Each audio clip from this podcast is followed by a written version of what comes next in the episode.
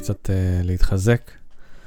אז uh, כשרוצים להתחזק, כדאי לפתוח משיבת נפש. משיבת נפש זה ליקוטים של כל ההתחזקויות הכי חזקות שיש בליקוטי הלכות ובליקוטי מוהר"ן.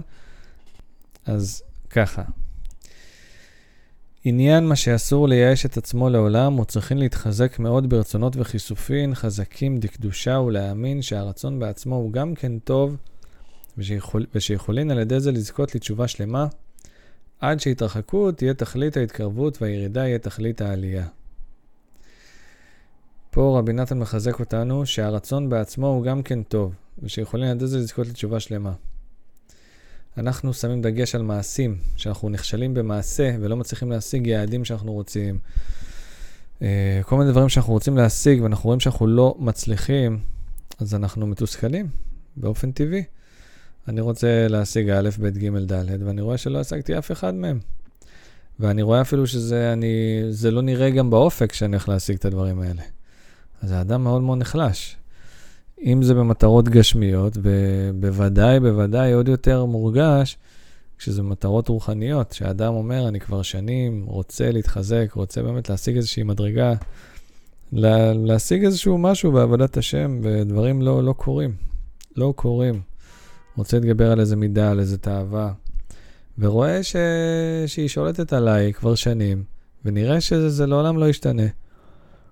אז פה רבי נתן מחזק אותנו לפי דעת רבנו הקדוש, להתחזק מאוד ברצונות וכיסופים חזקים דקדושה. זה אומר לבטא את הרצון בפה. וזה עניין מאוד מאוד חשוב, שזו נקודה קריטית להבין את זה, ואנחנו נקרא בסעיף הבא ונחזק את העניין הזה. אז קראנו קא במשיבת נפש, ועכשיו קב. עניין איך שצריכים להתחזק מאוד, להרבות בתחנונים וצעקות והתבודדות, אף על פי שנדמה לו, זה דמיון, שזה כמו שהוא עוסק בזה ואינו רואה שום פעולה כלל, אף על פי כן על כל פנים הוא בבחינת מחאה נגד הסטרא אחרא, נגד המניעה, הצד שמונע ממנו להשיג את מה שהוא רוצה, שלא תוכל על ידי זה להחזיק בנחלתו, חס ושלום, לעולם עיין התבודדות כ"ט. פה מה שרבי נתן אומר לפי דעת רבנו, זה שמה שהשם בעצם מבקש מאיתנו במצבים האלה שאנחנו מרגישים מאוד רחוקים ולא מצליחים, על כל פנים בפה לפנות אליו ולעשות מחאה כנגד הרע, כנגד הכוח הזה שמתגבר עלינו, להגיד את ה... לא עלינו ש... שמישהו כופה את עצמו על מישהי, לא עלינו, שלא נדע, אז היא צועקת, לא, היא עושה מחאה, אני לא רוצה, אני לא, צועקת לא, לא, לא ולא. אז גם ברוחניות יש את העניין הזה שהיצרים והתאוות כופים אותנו למשהו שהנשמה שלנו לא רוצה, היא באמת לא רוצה. גם נדמה לנו שאנחנו באמת רוצים את זה, זה לא, זה היצר, זה התאווה, זה לא באמת. ואיך אנחנו יודעים את זה? כי תמיד אחר כך אנחנו מרגישים ריקנות, מרגישים שזה בכלל לא... אין, אין בזה ממש. כמו שרבנו אומר, היצרה זה כמו מישהו ליצן כזה, שמסתובב בין אנשים עם הידיים, אה, אה, עם הידיים סגורות, ובין אנשים, ואומר, מה יש לי ביד, מה יש לי ביד, ואנשים רצים אחריו, כי רוצים לראות מה יש לו ביד. ואז כשתופסים אותו, אז הוא פותח את הידיים, ורואים שאין שם כלום. זה המשל.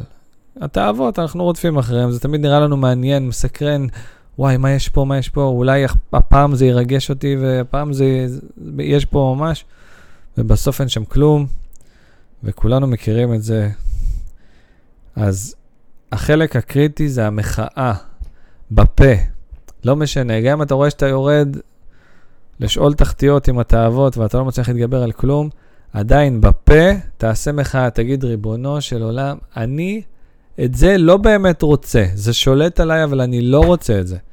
אני לא רוצה את זה, ואז רבי נתן אומר, על ידי זה, עשית רעך, לא תוכל על ידי זה להחזיק בנחלתו.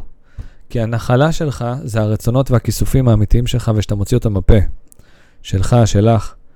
וברגע שאתה עושה את המחאה הזאת בפה, אתה לאט לאט נפרד יותר ויותר ויותר מהתאוות האלה, עד שיבוא יום, בעזרת השם, שהשם יגאל אותנו גם מזה. כל תאווה ותאווה, וכל כל עניין ועניין.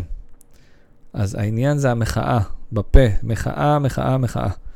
אז שנזכה לעשות מחאות כנגד כל הדברים האלה שיש לנו, שאוחזים בנו, כל התאוות שאוחזות בנו, שאנחנו לא באמת רוצים, ורוצים כבר לשנות את ההרגלים הרעים, ולא מצליחים, אבל לעשות מחאה בפה, להגיד, אני את זה לא רוצה. גם אם אני רואה שזה מתגבר עליי, ואני לא יכול לעשות כלום נגד זה. אני עושה מחאה.